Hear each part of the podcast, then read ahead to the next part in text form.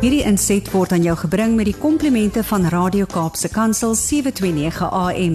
Besoek ons gerus by www.cape pulpit.co.za.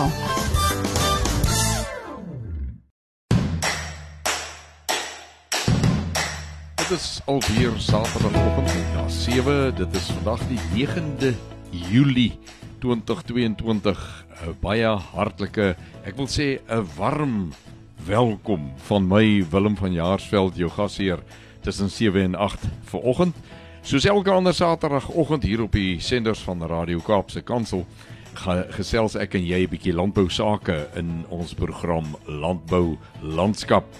Nou ja, vanmôre het ons 'n uh, redelike lang kuier met meneer Benny van Sail. Hy is die hoofbestuurder van TLU SA en ek het dit goed gedink om so 'n bietjie met hom 'n paar gedagtes te wissel. Maar soos gewoonlik begin ons om 10 oor 7 met saad vir die saaier en ons skrifgedeelte van môre is Johannes 19 verse 26 en 27. Die tema Jesus koester jou. Ek kan seker net sowel sê vir jou en my. Dan in Kapstok gaan ons vanmôre na 'n paar uh, nuusberigte kyk wat in die landbouwêreld uh, voorgekom het en dan van uh, half 8 af 7:30. Huis en hart sowel as in stories van hoop gaan ons vandag so 'n bietjie uh landbou op 'n ander vlak gesels. Dit is baie lekker vir my om met landbouleiers soos Benny van Sail te gesels, 'n deurwinterde man. Uh, hy kom al baie baie lank met uh landbou saam. Uh het altyd 'n baie interessante perspektief op landbou sake. Ek wil amper sê baie eenvoudig in die sin van Dis so eenvoudig soos of jy maak die wêreld vir die boer beter of jy moet eerder nie oor landbou met Benny van Sail praat nie want sy hart is daar waar dit vir boere 'n verskil maak en dis altyd vir my lekker uh, om om met hom te gesels. Ja en dan in stories van hoop sluit ons af met so ietsie van wat kan 'n mens opgewonde maak oor wat vorentoe gebeur. Maak nie saak hoe dit vandag lyk nie. Onthou, die toekoms moet nooit gedefinieer word deur die realiteite en die werklikhede van nou nie. Want ek en jy kan die toekoms nog verander. Dis net gaan ons dit wil doen? Gaan ons met mekaar saamwerk om dit te doen? Hoe gaan ons dit doen? En dan doen ons dit. So, dit is vandag se program so in 'n neete dop. Ek uh dink elkeen van ons kan lekker warm voel na hierdie dag van vandag se program. Landbou landskap word ver oggend weer soos elke ander Saterdag moontlik gemaak met die komplimente van Cape Pots varsprodukte mark. Ek nooi jou om met ons te gesels deur middel van ons WhatsApp en Telegram nommer 081 729 1657 natuurlik ook die SMS nommer wat jy 'n bietjie SMS'e vir ons kan stuur 7 nee 37 988 e-posadres wilm@capepulpit.co.za. Ons probeer om 'n landbou landskap hier op Radio Kaapse Kansel wat uitsaai op 729 AM en 729 MW, natuurlik ook wêreldwyd op die internet, so 'n bietjie 'n ander soort van landbouprogram te maak. Nou, ek het die afgelope tye weer baie wyd gery deur hierdie mooi land van ons. En wat ek die heeltyd hoor daar buite, ek wou amper sê dit gons onder die boere en boere besighede. En dit is liewe hemel, hoeveel dinge moet ons nog hanteer? Waar gaan alles heen? Ons is al raad op om planne te moet maak en aanhou planne maak anders dan gaan ons dit net nie maak in ons besighede nie. Nou dit is vanmôre so 'n bietjie die wil ek amper sê draad wat deur hierdie program loop, maar ons gaan hierna kyk na saad vir die saaier en daar lees ons ietsie anders onder die tema Jesus koester jou en my. Dit het tyd geword vir saad vir die saaier en soos ek gesê het As 'n mens kyk in 'n wêreld waar daar soveel probleme is wat 'n uh, eh, wat mense laat voel ons uh, kan nie kop bo water kry nie, ons weet nie meer wat om te maak nie, dan is dit goed om vanmôre 'n bietjie Johannes 19 verse 26 en 27 te le lees, want daar staan die volgende: En toe Jesus sy moeder sien en die disipel wat hy liefgehad het, by haar staan, sê hy vir sy moeder: "Vrou, daar is u seun." Daarop sê hy vir die disipel: Daar is jou moeder. En van daardie uur af het die disipel haar in sy huis geneem. Ons moet die omstandighede waarin Jesus hierdie ges, uh, woorde gespreek het, moet ons net nie vergeet nie. En dit is in 'n baie baie moeilike uur van sy lewe. Uh aan die kruis in pyn en baie baie baie wedervarings en ontberinge wat hy deurgegaan het tot op daai punt. En wanneer hy daar aan die kruis hang en hy sien sy moeder en hy sien die disipel vir wie hy liefgehad het, is sy eerste en eintlik enigste gedagte daai oomblik met die waarneming van die twee persone dat hulle welstand vir hom en vir sy vader belangrik is en sê hy die woorde dat daar is u seun vir sy ma sê daar is u seun en vir die disipel daar is jou moeder en hy bring hulle op 'n baie besonderse manier bymekaar en gee vertroosting in daardie uur vir hulle wat as mense gebroke is oor wat hier met hulle geliefde Jesus gebeur. Wanneer ons besef die groot grootheid hiervan, kan ons met meer vertroue wanneer dit moeilik gaan en ons nie aldag antwoorde in ons lewe het op die vraagstukke wat ons moet hanteer nie. Ons draai na Jesus en sê in u moeilikste tyd kon u vir ons omgee. Ek is in 'n moeilike tyd. U weet wat dit is om in moeilike tye te wees. Ek vra hierdie oomblik dat U ook vir my uitkoms sal gee, wysheid sal gee, insig sal gee, sodat ek die oplossings wat U aanbied kan sien. Kom ons bid saam. Jesus, ons sê vir U dankie dat ons in hierdie twee verse in Johannes 19 weer net 'n kykie kon kry in U hart. U omgee hart, daardie hart wat U deur al die pyn en lyding gesit het ter wille van ons sodat die prys volkome betaal kon wees. Maar baie dae wil ons nog steeds in ons eie krag en ons eie wysheid ons probleme oplos. Ons dry hierdie oomblikke na U Jesus en ons sê: Neem ons in die hand, gee ons die oplossing. Vat ons toekoms en gee vir ons hoop vir daardie toekoms.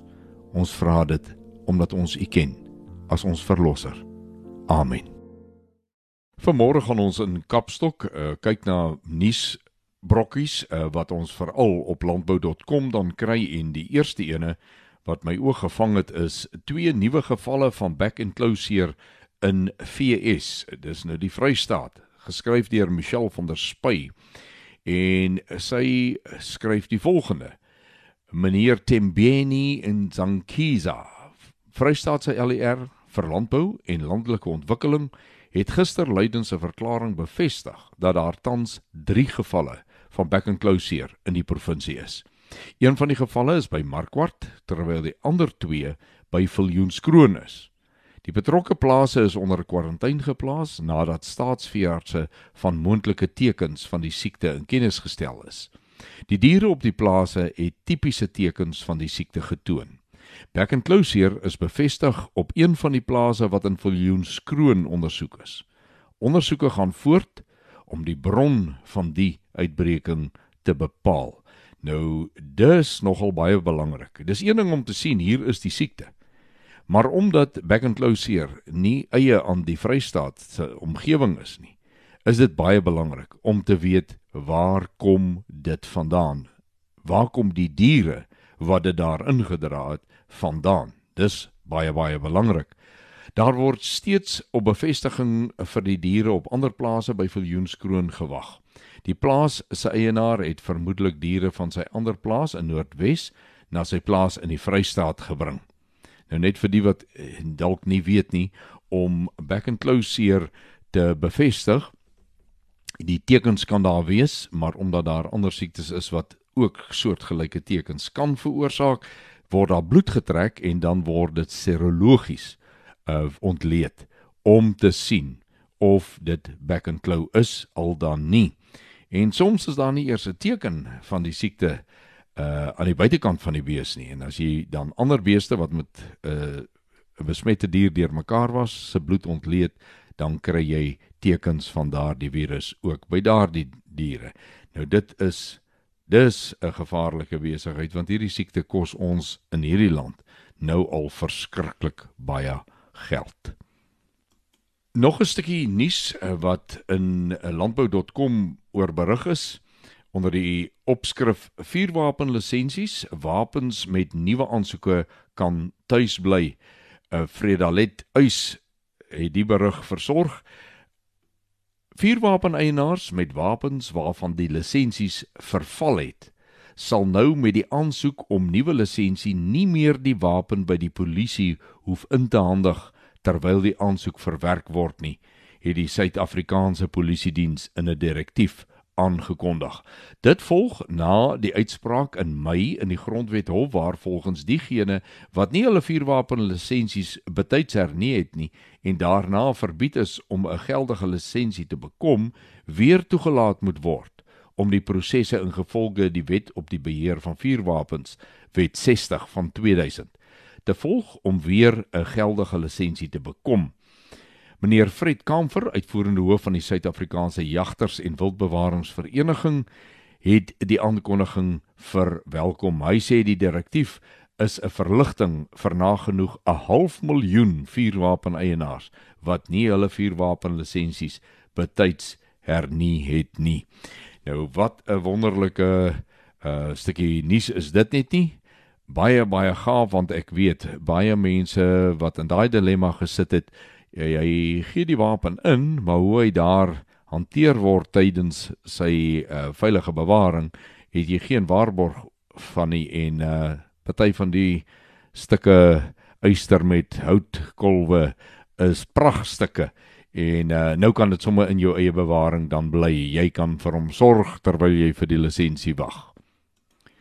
Dis tog nodig dat ons so 'n bietjie na die weer ook kyk en 'n laagdrukstelsel voorkom erge koue toestande. Alani Janneke skryf 'n laagdrukstelsel wat Sondag vinnig begin ontwikkel het, het meer bewolkte toestande oor Suider-Afrika veroorsaak en voorkom dat besonder koue toestande van dese week ontwikkel.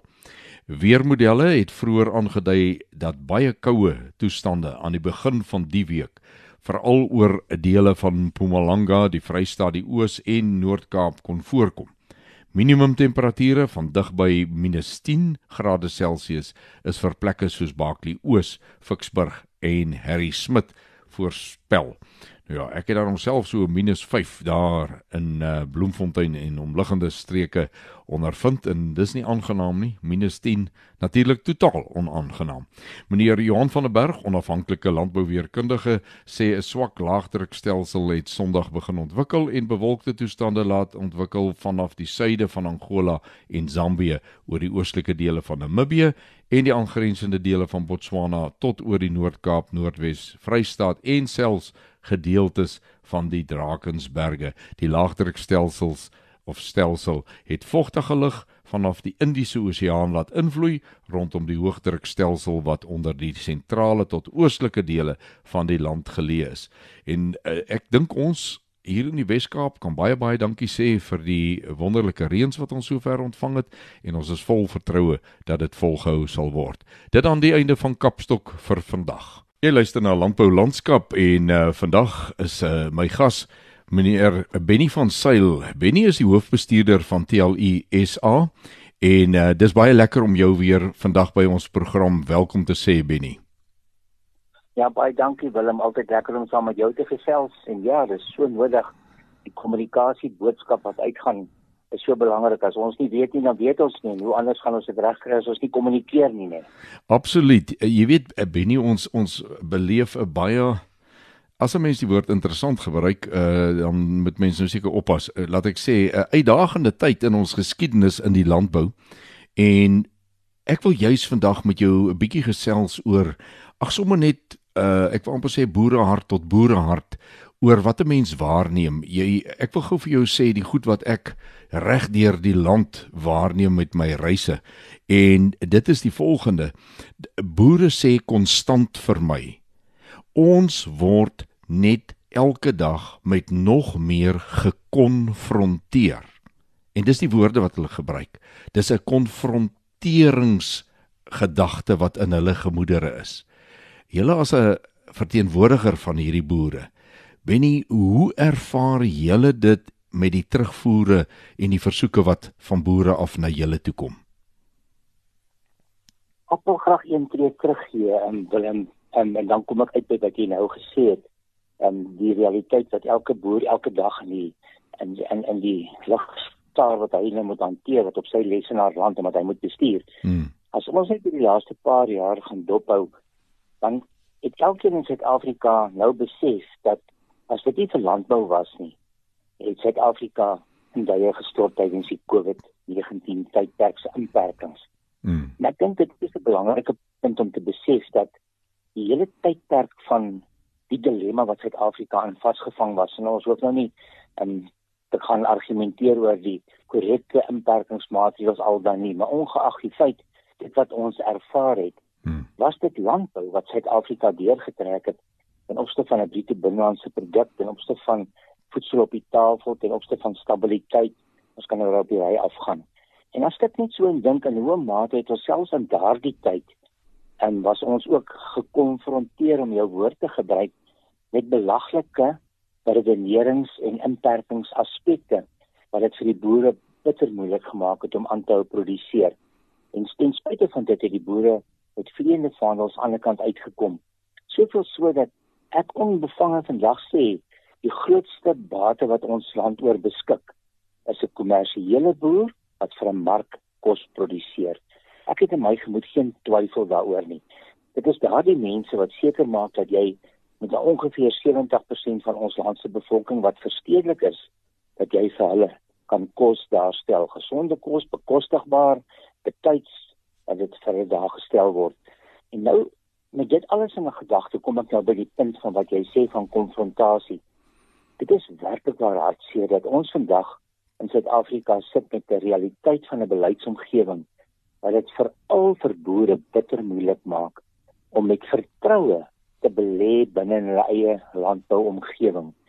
En ons moet besef enige besigheid het nodig dat hy moet groei. Hy moet groei om konstant vir homself kapasiteit te skep ook weer tred te hou met nuwe ontwikkeling, nuwe tegnologie dat hy sy mededingendheid kan behou want op die einde van die dag daai kundigheid maak dat hy effektief is om winsgewend te wees en dit bring volhoubaarheid.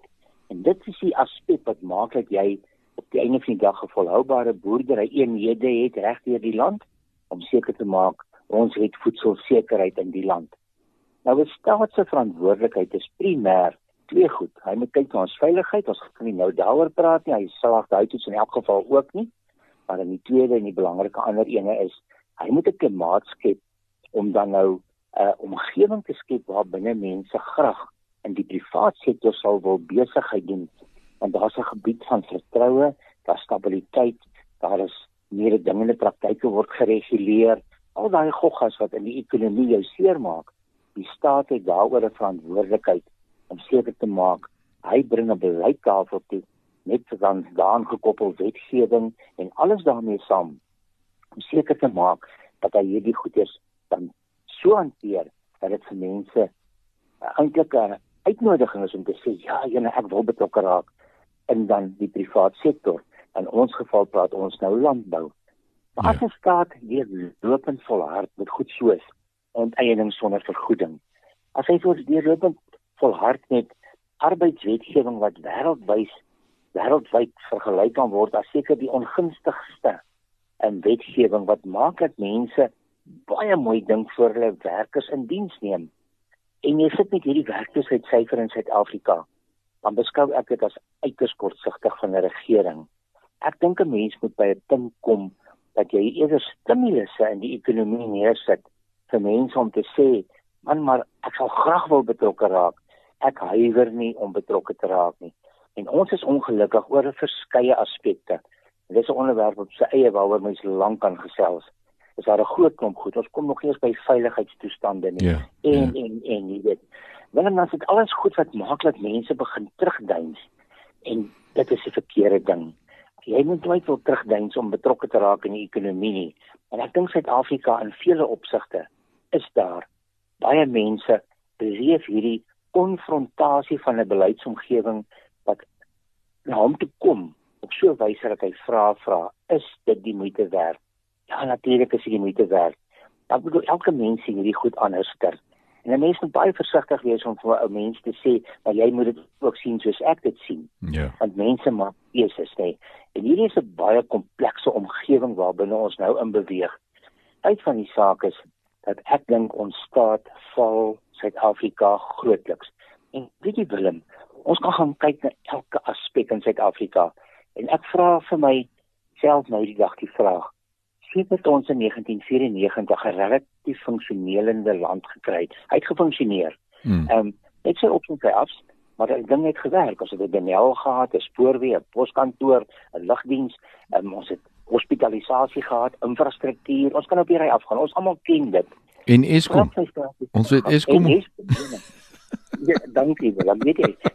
Goeie amper die belangrikste een van almal. Ja, ja. Sien jy en toe kom ek en ek sê vir myself, noem vir myself een ding, net een wat beter is as wat dit in 94 was. Net een ding.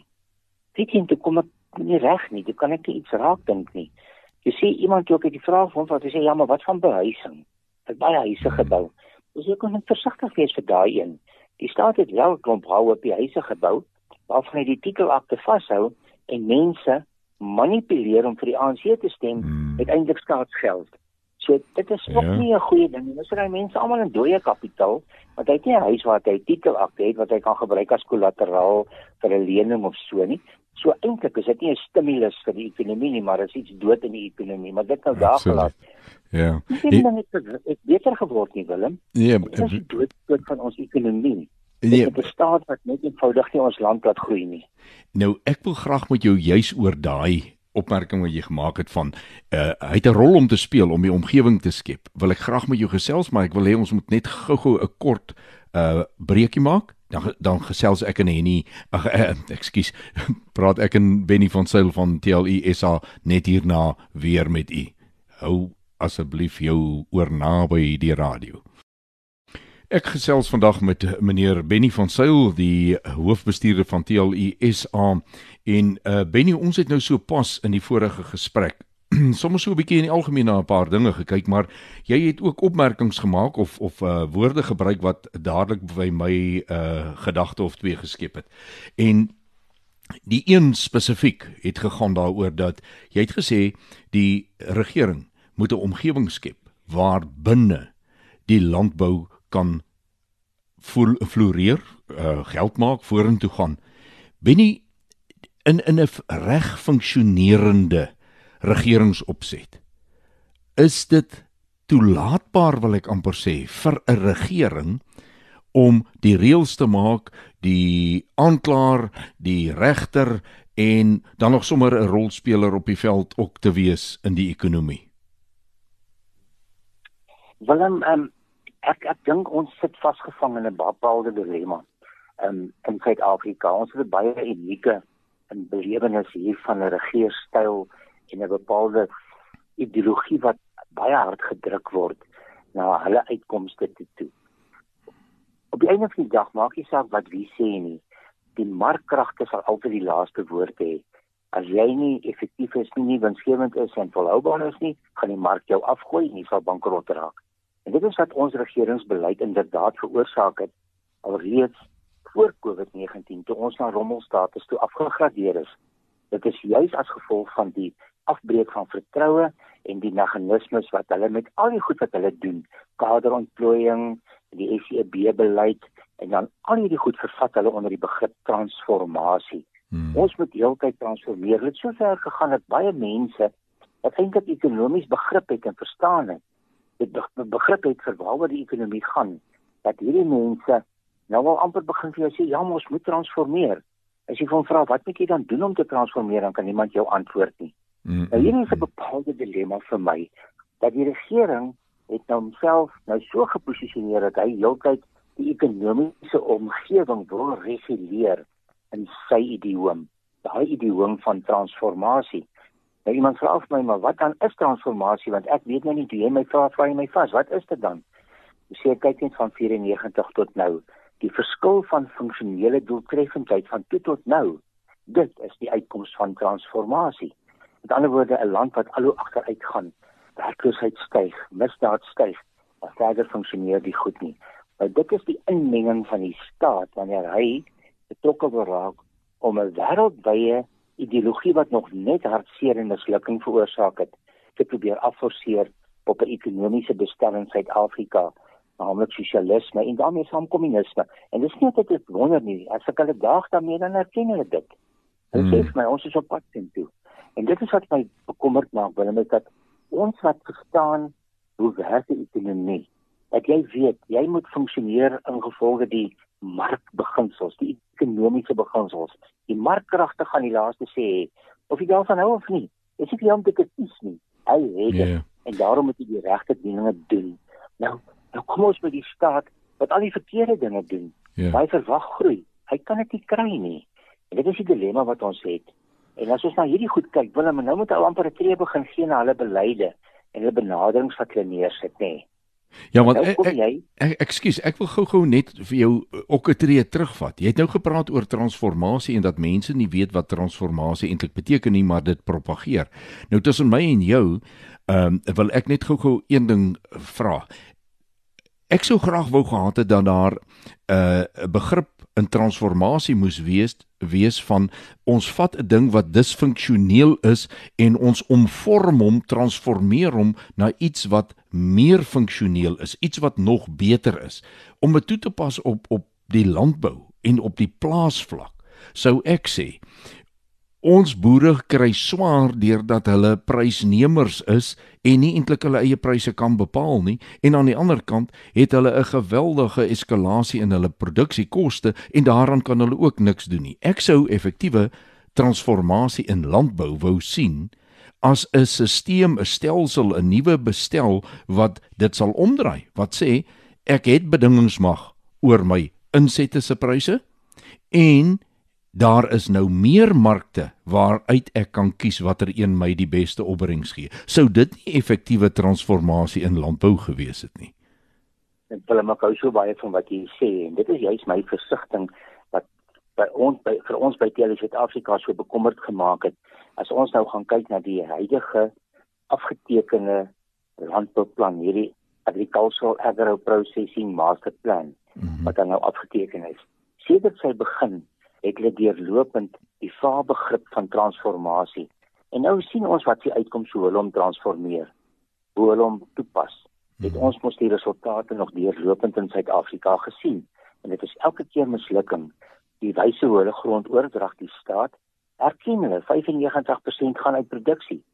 Moet ons nou volhard op hulle transformasie program. Ja, dis die transformasie. Ja, nee, dis 'n nou, mislukking. Hmm. Dit en ons het verlede jaar die 14de Mei het ons 'n skrywe gerig aan hierdie hele waardeketting wat gewerk het aan daai plan en spesifiek aan die fasiliteerder, die hele lot van hulle.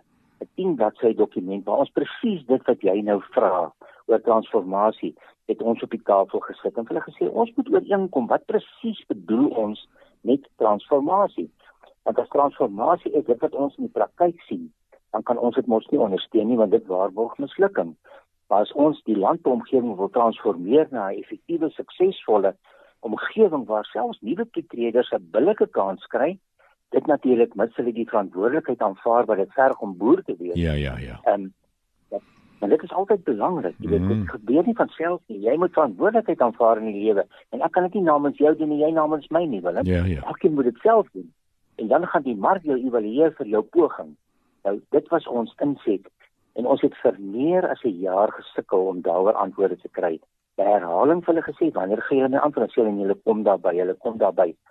Tot 3 dae voor hierdie dokument afgeteken is, was daar vir ons nog beloftes gemaak. En ons gaan dit nog uit aanspreek en hier teken hulle ding af met 'n vaag konsep weer van transformasie. En niemand daar binne kan vir my sê waar gaan dit begin, wat gaan dit alles behels en waar gaan dit eindig nie.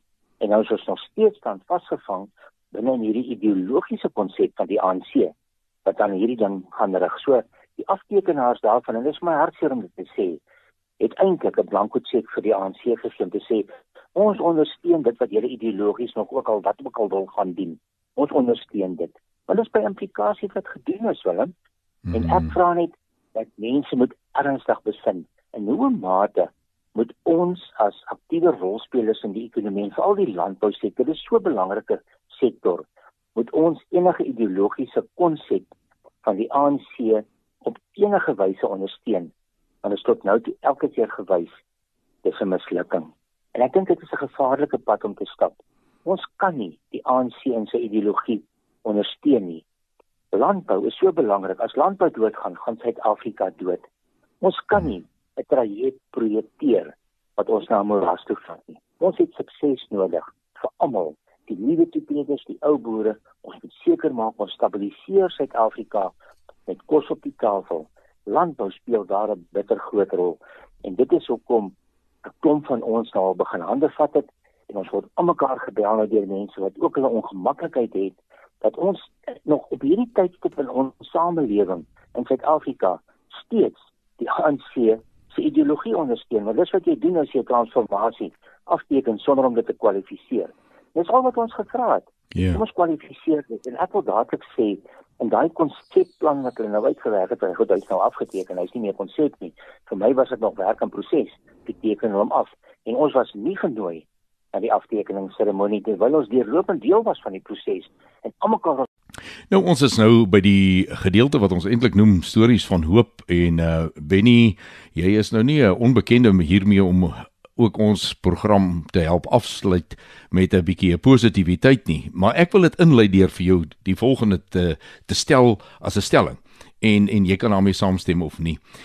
In beleidsvorming, in gesprekke in die raadsale in ons land waar daaroor beleid van die toekoms gepraat word, het ek dit meermale ervaar dat ons gaan in die gesprekke in en ons maak nooit seker dat ons by die aanvang van die gesprek vir mekaar sê die volgende woorde wat in hierdie gesprek waarskynlik gebruik gaan word beteken A beteken dit, B beteken dit, C beteken dit en dat ons ons gesprek wegtrek van 'n 'n onderlinge verstaan van waarmee is ons besig nie en dan gaan ons aan en nie lank nie dan kom sekere partye agter. Sjoe, maar die ander party het my eintlik mislei. Ek het gedog hierdie woord beteken dit. Nou kom ek agter dis dit. Is dit nie 'n deel van ons dilemma nie? Willem, jy staan nie spyker met 'n baie groot hamer reg op die kop. Weet jy, dit is 'n dilemma. Ons sit in Suid-Afrika met ek dink verskillende beskouinge van hoe die land moet funksioneer vanuit 'n ekonomiese hoek uit. Hmm. Ek persoonlik en die dampkring waarbinne ek beweeg, is mense wat sê ons moet weet dat die markkragte die laaste sê en die markkragbeginsels is wat gaan bepaal hoe gaan jy sukses hê al dan nie. So dit is 'n vrye mark, 'n markgerigte ekonomiese bestel waarbinne ons dan nou wil funksioneer. Ons sê dit is hy wat die geleentheid gee vir mense, soos ek genoem het, die verantwoordelikheid aanvaar om hulle die geleentheid te gee om wel welvaart te kan skep. Daarteenoor sit ons met die ou en ek wil baie spesifiek sê die ou Sowjetunie mm -hmm. sosialistiese en kommunistiese bestel. En dit is daar waar die ANC die goed gaan leer het en hulle hou nog steeds vas aan daardie model. Nou sit jy by die twee konsepte in Suid-Afrika en ek stel dit nou eenvoudig, dit is baie meer kompleks as dit. Maar net om dit te illustreer. Die mense wat in die mark besig is om besigheid te doen, sukses te maak, die boere, die ander besigheidslei almal werk volgens die ekonomiese beginsels. Want dit bepaal of hy nog volgende jaar daar gaan wees en hy weet dit en daarom doen hy dit reg. Mhm. Mm Daarteenoor sit ons nou met hierdie sosialisties kommunistiese bestel. En as hulle 'n begrip gebruik, dan bedoel hulle totaal iets anders as dit wat jy en ek gebruik met met met 'n ander woord wat hulle gebruik, ons bedoel iets anders as wat hulle bedoel. En dan praat ons van twee wêrelde. Ons dink ons het gesê ons praat van transformasie, maar wat bedoel hy daarmee? Ons praat van regstellende aksie, wat bedoel hy daarmee? Ons praat van hervorming, wat bedoel hy daarmee? En ons moet vir mekaar sê dat die denkproses van daar af al reeds in verskillende rigtings is en dan mis ons mekaar. Hulle het 'n baie belangrike punt hier toegelig. Maar ek dink dit maak dit baie moeilik in Suid-Afrika dat ons nou hierdie dilemma het en juis daarom het ons dan in hierdie proses van die AANP het ons van Telie Suid-Afrika se kant hulle gesê kom ons klaar hierdie definisies uit. Ja. En daai 10 bladsy dokument van ons is beskikbaar. Ons kan hom vir die mense aanstuur, ons kan hom vir hulle gee. Hulle hmm. kan kyk wat het ons probeer doen om juis hierdie dilemma wat jy nou uitgelig het te gaan probeer uitsorteer dat ons almal definitief op dieselfde bladsy is. Want kom ons sê so, as die ANC se bedoeling van transformasie is, vat by Willem en gee vir 'n ander persoon en ek vergoed nie vir Willem nie, dan sal DLI Suid-Afrika met al die vermoë tot ons beskikking daarteen beklei. Maar as jy gaan sê, kom ons transformeer landbou, die landbougrond in ons land na optimale produksievlakke toe, waar ons ook nuwe toepeders 'n billike geleentheid gee, met hulle die verantwoordelikheid aanvaar en ons laat toe dat hulle Suid-Afrika se in vergelyking met ander lande in die wêreld 'n marginale landbouland is, dat ons hulle geen geleentheid gaan gee om optimaal te kan boer. Ons transformeer soontoe. As my hand eerste op, wat hmm. bedoel ons met die begrip? Dit is so 'n belangrike punt wat jy daar sê. En ek dink daaroor moet ons baie meer uitklaring hê. En daarom kan ek nie met die ANC se geskiedenis vir hom 'n blanko cheque gee oor transformasie nie. Want tot nou toe het ek nog net mislukking gesien. Ek het nog net 'n land gesien wat eer kry, 'n land waar die toekoms van elke jong mens deur die ANC se beleid van hom gesteel word en daarom moet ons uitbreek uit daai denkpatroon. Ja, en en Benny, ek is so dankbaar om te sien en ek het nou maar net so in die uh, uh, wandelgange 'n bietjie daaroor gehoor dat daar mense is in die landbouomgewing wat gesê het ons sien definisies anderster wil ek amper sê uh, om daai uh, analoog dan te gebruik. En ons kom nou by mekaar en ons sê kom ons beding vir 'n beter bedeling as wat afgeteken is deur met mekaar saam te werk saam te dink maar wat vir my die mooiste is dit lyk vir my daar het 'n hand uh van vriendskap uitgereik na die gewone boer op die grond, nie noodwendig na organisasies net nie, maar ook na individue toe. En daaroor wil ek vir julle manne uh wat betrokke is daarbey baie baie dankie sê, want ek voel persoonlik die boer op die plaas, die enkeling se stem word baie daar doodgeswyg deur die groter instansies wat hulle sê ons verteenwoordig jou as enkel boer. So Benny, ek wil vir jou vreeslik dankie sê dat jy bereid was om met my te gesels op die program, my en die luisteraars weer 'n bietjie ander perspektiewe te gee en ek wens vir julle regtig net die beste toe mag Vader se hand oor julle oop wees en julle baie wysheid gee met hierdie proses wat voor lê.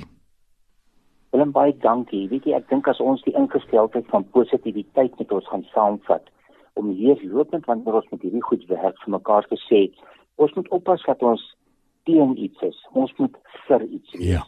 Dit ja. is 'n bouende konstruktiewe ding om te bou vir die toekoms. Soveel sodat ek graag wil hê jou en my kleinkind met eendag in die land nog steeds 'n boer kan wees. Absoluut. Dit is al wat dit gaan. Absoluut. En ook vir elke rolspeler in hierdie land dat ons met verantwoordelikheid bou vir die toekoms. Dat dan moet ons die regte beginsels van net af neersit. En ons nie net meer steur met 'n sinkende ideologie wat nog net hartseer veroorsaak het nie. Nee Willem, kom ons pas pas en pak nie pad vir die toekoms positief aan. Ons is nie bang daarvoor.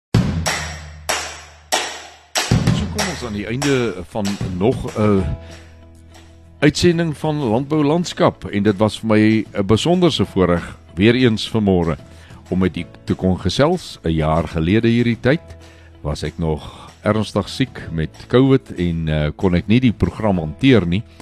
En uh vandag is ek gesond genoeg dat ek met jou kon gesels en is dit nie 'n wonderlike voorreg om te kan lewe en uh, met ons land en sy mense te doen te kan hê om 'n dienaar van die Skepper te wees en 'n uh, disipel van landbou. Ek is altyd opgewonde oor die rigting wat ek in my lewe ingeslaan het om te kon boer en nog altyd met die landbou te kon werk. Dit is 'n voorreg om jou gasheer te wees. Dankie vir jou saamkuier. Dankie vir Cape Pots varsprodukte mark wat die landbou landskap program moontlik maak. En ont onthou om met ons te gesels op uh, die kontak nommers en ook die e-posadres wat ek reeds uitgedeel het. Tot ons dan weer saamkuier volgende Saterdag om 7. Groet ek Willem van Jaarsveld en mag jy elke oomblik Vader se guns op jou lewenspad beleef. Wederom.